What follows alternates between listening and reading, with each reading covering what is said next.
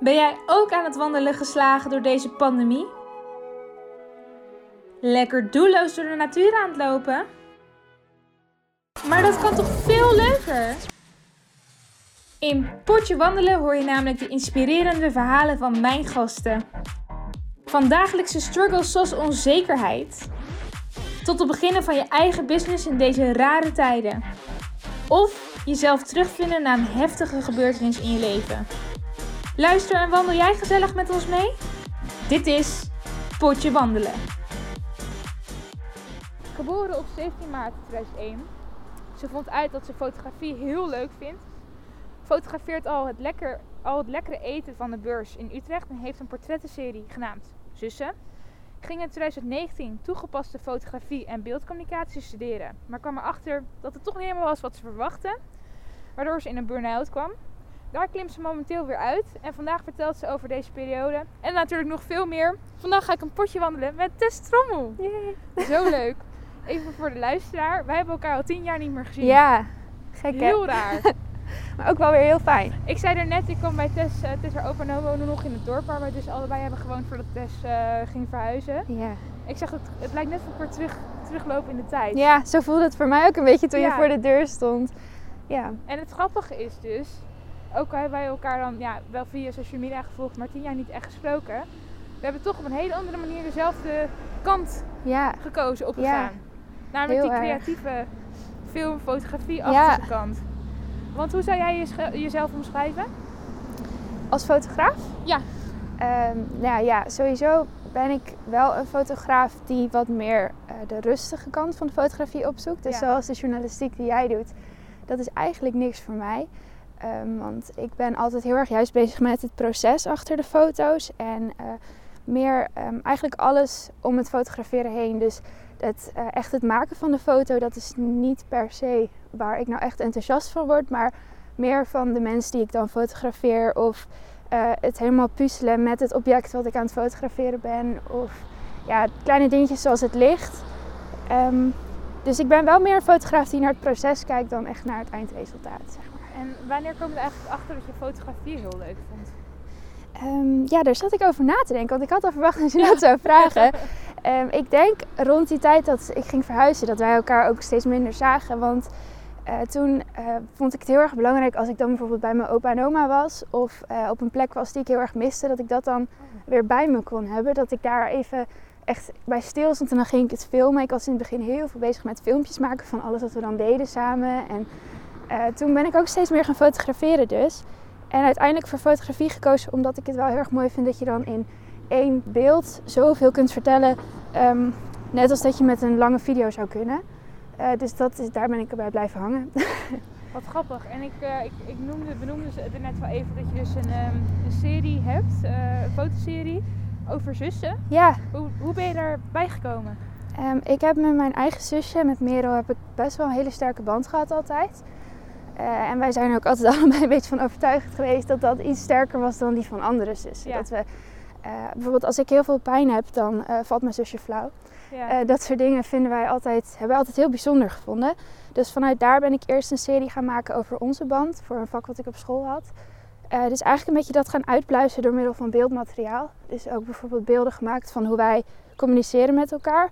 En dat dan ja, in een heel groot project omgezet, eh, waardoor het eigenlijk een soort onderzoek werd naar onze band. En dat vond ik eigenlijk zo mooi dat ik door ben gegaan met eh, het fotograferen van andere zussen die zo'nzelfde Ja. band hebben. Ehm, ja, en toen kwam corona. Dus op een gegeven moment raken dan de mensen die je kunt benaderen een beetje op. ja. Maar ik vind dat wel een heel mooi project waar ik nog mee verder zou willen. Omdat het zoiets bijzonders kan zijn. Eh, hoe je in lichaamstaal en in blik, dat je die, die band terug kunt zien. Was het ook een van die dingen die je aantrok met fotografie? Dat je dacht, oh, in één plaatje kan je zoveel vangen? Ja, dat vind ik echt heel mooi. Ja. Vooral omdat nu de media steeds zoveel sneller wordt. Ja. Eh, dat je dan echt nog, als je in een lege ruimte zou staan en naar één beeld kijkt, dat het een heel verhaal kan zijn. Los van alle andere media, alle verhalen, alle tekst. Dat het gewoon, dat je er naar kijkt en dat je meteen het hele Ja. verhaal in één kleine afbeelding hebt. Dat vind ik iets heel moois. Ik vind dat ook het leuke aan podcast. Dat je ehm, tegenwoordig moet alles snel gemonteerd en Ja. kort en krachtig. En mensen nemen toch meer de tijd om inderdaad even een van hun uh, zintuigen te laten prikkelen. Ja, dus bij jou is dat je ogen. Ja, En bij mij is dat heel erg het gehoor. ja. Ehm, kwam je eigenlijk toen al achter dat dat je passie was? Of is dat later pas ontstaan? Dat je dacht, oh ja, maar dit is echt waar ik goed in ben en wat ik wil doen. Ehm, ja, ik begon dus ermee om eigenlijk het verhaal of een gevoel wat ik had bij een bepaalde plek erin vast te leggen. En hoe meer je daarin doorgaat en hoe meer je dat blijft oefenen, eh, dan kom je erachter van, oh wacht, ik kan dit ook echt. Als mensen deze foto zien, dan krijgen ze ook dat gevoel en dan weten ze meteen wat je bedoelt. Vooral de mensen die, de, ik vond het eerst in het begin heel spannend om foto's bijvoorbeeld op Instagram te zetten. Maar als ik het dan aan familie liet zien, dan snapten ze precies wat ik ermee wilde zeggen. En dat is best wel een heel fijn gevoel dat je iets, iets kan maken wat mensen zo erg begrijpen. Ehm, dus toen ben ik daar ook in doorgegaan. En dus toegepaste fotografie en daardoor ook beeldcommunicatie erbij gestudeerd. Want eh, ik vind het heel fijn om te leren hoe je dat verhaal dan vertelt en hoe anderen dat dan ontvangen. En ook hoe je met een heel klein verschilletje in bijvoorbeeld licht of kleur een heel ander verhaal in één keer vertelt. Eh, dus daar, zo kom je steeds verder. En ja, nu, nu is het echt wel iets waar ik heel erg blij mee ben dat ik het heb geleerd.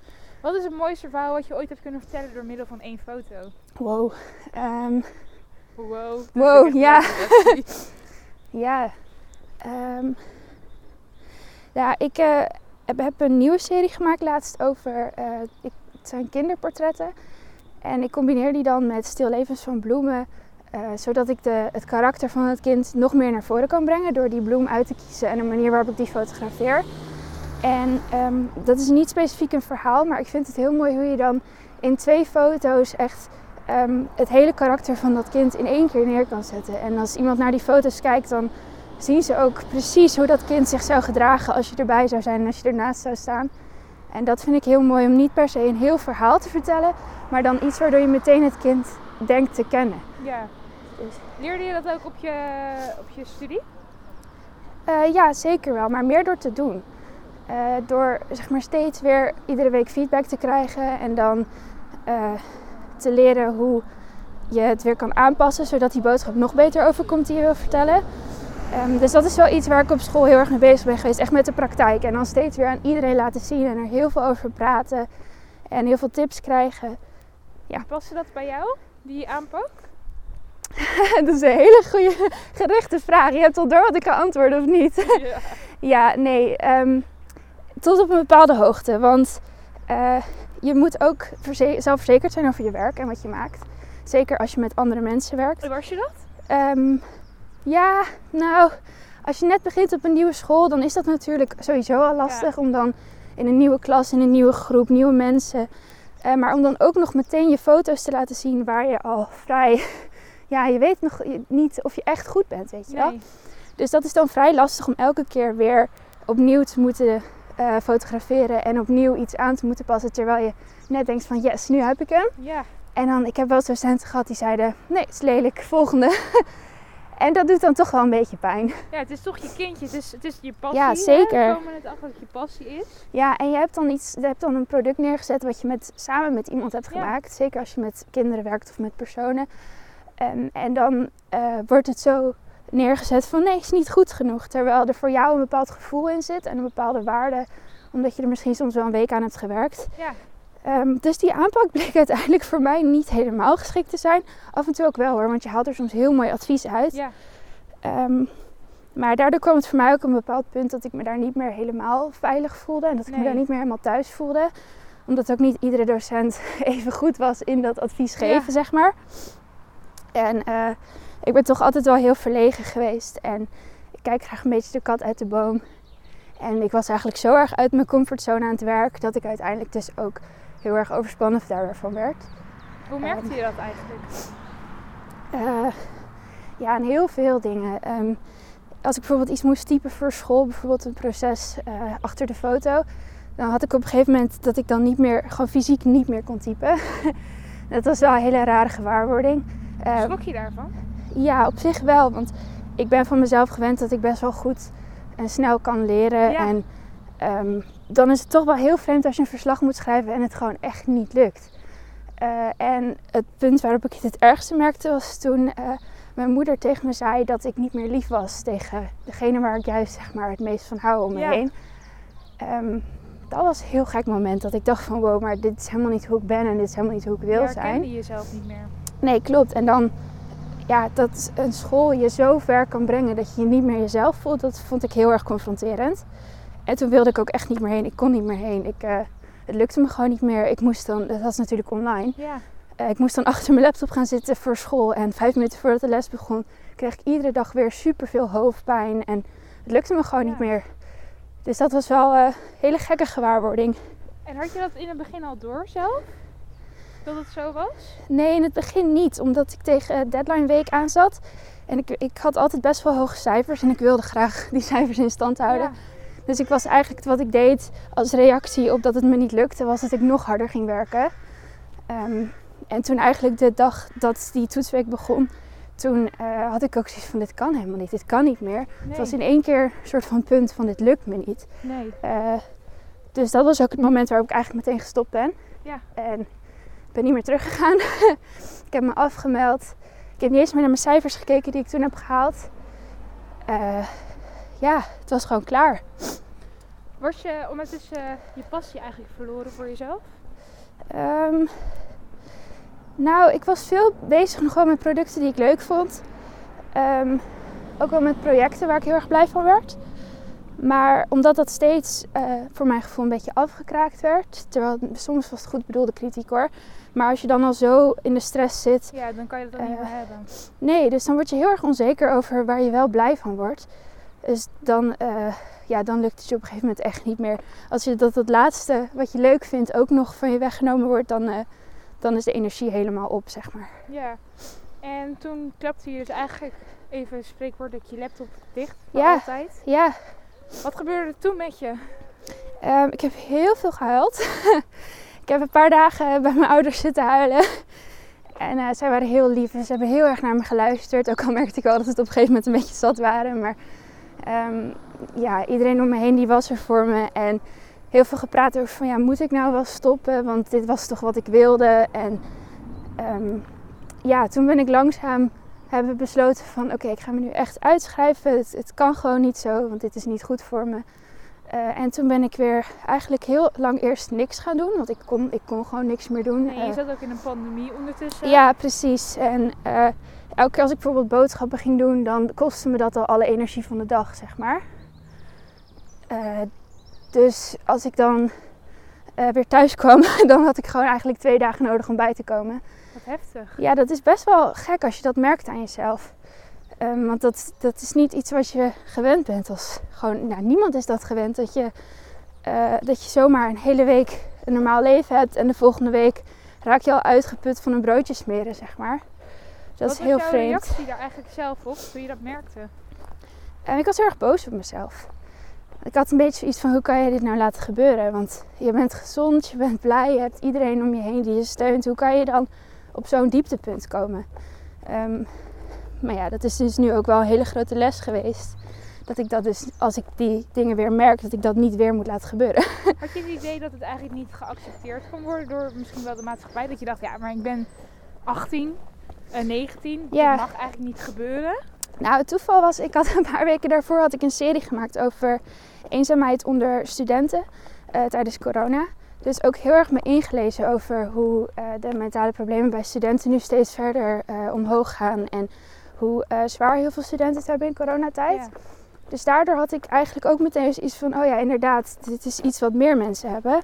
En daardoor durfde ik er ook wel heel snel met klasgenoten en vrienden over te praten. Omdat het eigenlijk helaas best wel normaal is in deze tijd. ja. Ehm, dus ik vind het ook goed dat we er nu even over praten, want misschien herkent iemand zich erin. Ehm, ja, nee, ik schaamde me er niet voor, maar eh, ik vond het wel erg dat er dus zoveel jongeren zijn die datzelfde probleem nu hebben. Ehm, ja, dat maakt me wel echt verdrietig dat ik niet de enige ben, zeg maar. Kon je er goed over praten, ook met leeftijdsgenootjes op dat moment, eh, toen, toen je erover durfde te praten? Eh, jawel, jawel. ehm, maar toch wil je ook niet het gevoel hebben dat je zeurt. Ja. Ehm, eh, ja, ik heb een hele lieve vriendin die bij mij in de klas zat, die het heel goed begreep. Ieder klein detail wat ik vertelde. Ja. Dus die was echt mijn held in die beginweken. Ehm, dus ja, ik denk dat er heel veel specifieke mensen zijn waar ik heel veel aan heb gehad. Maar eh, sowieso iedereen, niemand heeft iets geks gezegd of vreemd gereageerd. Iedereen begreep het meteen, dat was wel heel fijn. Wat bijzonder, want mijn, eh, beleving van als iemand een burn-out heeft, is dat het juist niet wordt begrepen door je, veel mensen in je omgeving. Ja, dat zou goed kunnen. Ik, ja, ik ken heel weinig mensen die een burn-out hebben. Ehm, en ik denk ook dat het verschil is dat ik vanaf jongs van heel erg gewend ben om heel veel over gevoelens te praten Ja. met mijn familie. Eh, dus ik heb ook veel vrienden die dat ook gewend zijn, want dat is gewoon iets dat zit helemaal in mij geprogrammeerd om altijd Ja. meteen te zeggen wat ik voel. Ehm, en ik denk dat dat wel heel erg helpt, dat je gewoon mensen om je heen hebt die al zelf ook al gewend zijn om over gevoel te praten. Pakte je ondertussen, toen je dus ehm, in, in je burn-out, in, midden in die burn-out zat, pakte je dan wel eens de camera? Eh, ja, heel af en toe. Ehm, omdat ik het eigenlijk niet kwijt wilde raken. Want ik wilde niet. ehm, ik wilde voorkomen dat ik, dat ik het bij de fotografie zou leggen dat het mis was gegaan. Ja. Want ik vind fotografie heel fijn om te doen. Ik kan me daar helemaal in verliezen. Dus ik wilde niet eh, dat als ik na een paar maanden de camera weer zou pakken, dat ik dan dat stressgevoel weer terug zou krijgen. Dat wilde ik echt voorkomen. Dus ik ben veel aan het fotograferen geweest. Voor, eh, ja, ook voor werk ben ik nu weer veel aan het fotograferen. Eh, ja, culinaire fotografie is dat. Maar ik heb ook meer vrij werk gemaakt, waar ik dan toch ook wel echt blijer van werd dan het schoolwerk wat ik aan het maken Ja. was. En dan merk je in één keer binnen een maand een heel groot verschil met wat je eigenlijk voor fotograaf wil zijn en hoe je je als fotograaf aan het ontwikkelen was, hoe groot dat verschil is. Dat vond ik wel heel apart. Kun je daar eens iets over vertellen? Van hoe je als fotograaf hebt ontwikkeld en wat voor fotograaf je wil zijn? Ehm, ja, ehm, nou ja, op de opleiding die ik deed, dan was het heel vaak mensen fotograferen en dan zo snel mogelijk. En met het perfecte licht en de perfecte Ja. instellingen. Beetje journalistiek-achtig, Ja. niet eh, ja, een, een topfotograaf. Ja, precies. En dat ging me op zich goed af, maar daar werd ik niet blij van. Want eigenlijk iedere eh, creatieve toevoeging die ik deed, werd eigenlijk altijd afgestraft. Ja. En dan eh, ben je zo druk met school. Ik was eigenlijk zeven dagen in de week met school bezig. En dan, dan ga je dat niet verder ontwikkelen. Want dat wordt dan eigenlijk neergezet als nee, dit is fout.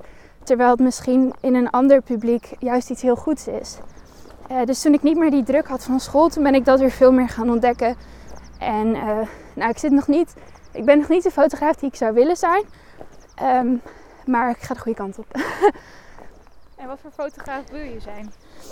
Ehm, ja, dat is een hele goede vraag. Ik weet niet of ik dat goed specifiek kan omschrijven. Maar Wat vind je leuk om te doen? Waar word je heel blij van?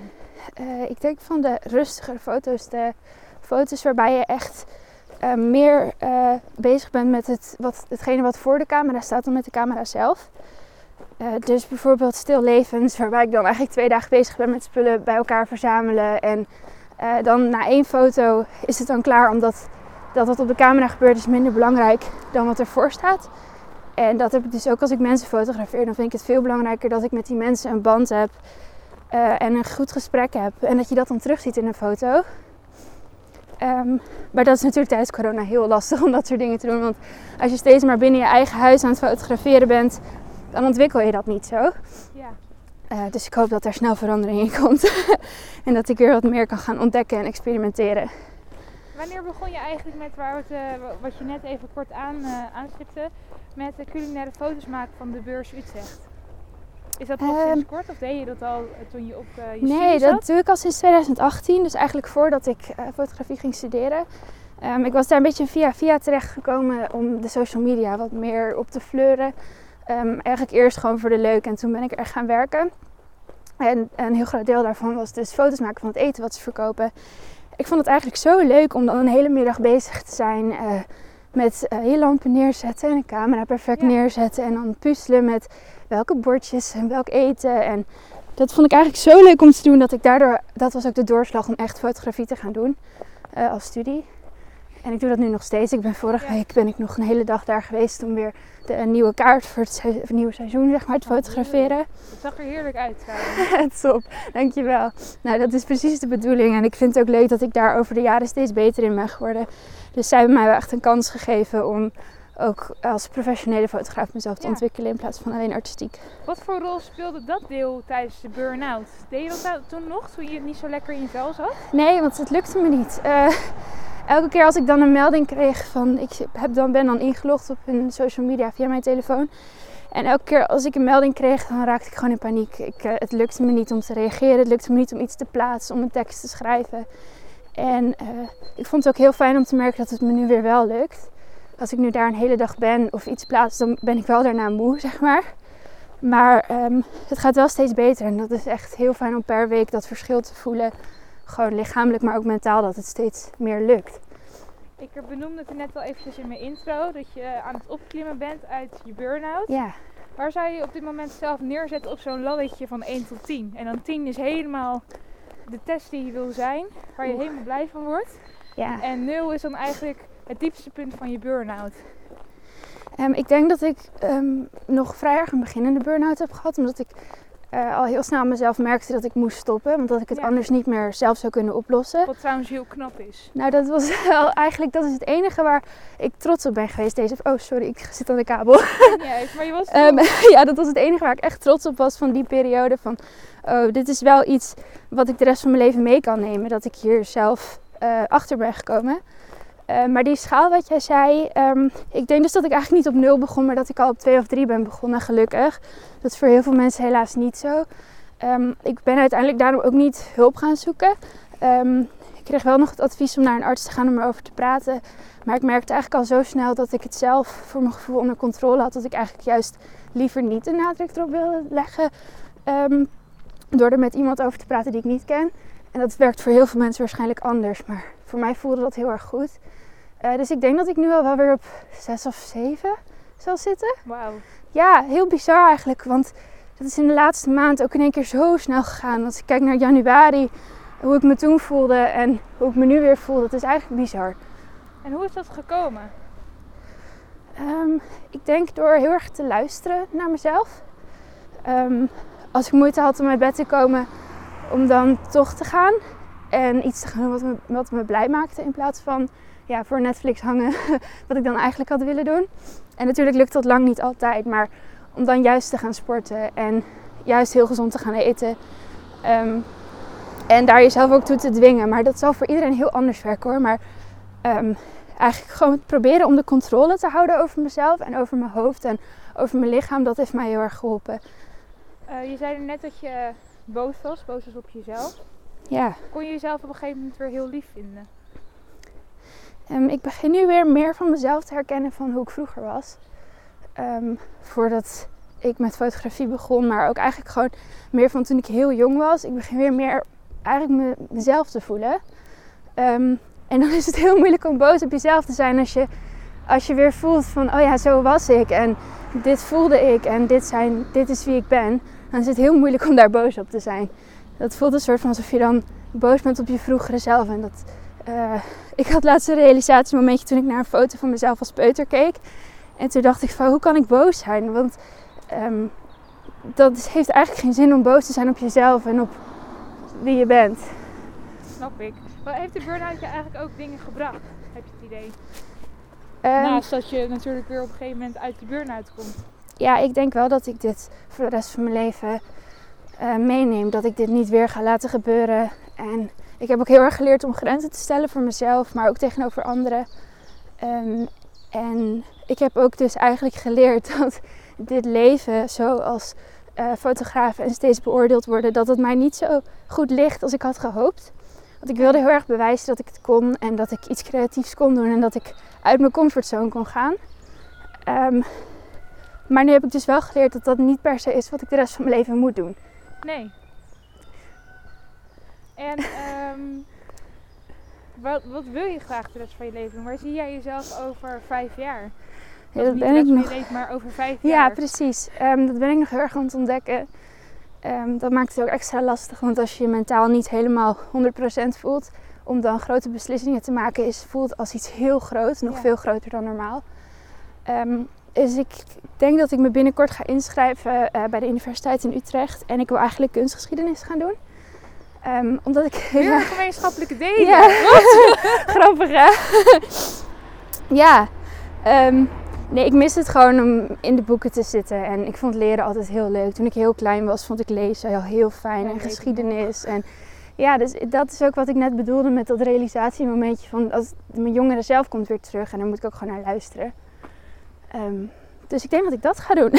Had je iets tegen, tegen je jongeren zelf willen zeggen als je de kans had gekregen nu?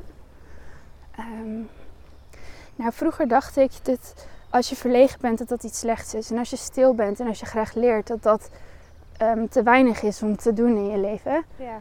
Ehm, en dat het altijd meer moest en dat het altijd beter moest en uit je comfortzone. En nu denk ik, waarom wilde ik dat? Het was helemaal niet de goede keuze voor mij. Het zal voor heel veel mensen wel een goede keuze zijn, maar ik had meer moeten luisteren naar mijn angsten en niet zo ver moeten gaan als ik ben gegaan. Natuurlijk is het altijd goed om een beetje uit je comfortzone te gaan, maar niet zo ver als ik ben gegaan nu. Dat was uh, een brug te ver. Ja, het is ook heel mooi om je dat te beseffen. Dat je denkt, het hoeft niet altijd uh, groot en meeslepend. Ja, precies. Um, hoe zou je je um, over vijf jaar willen zien? Hoe zouden mensen de test dan moeten zien? Um, ik wil me dan meer uitstralen dat ik me goed voel zoals ik ben.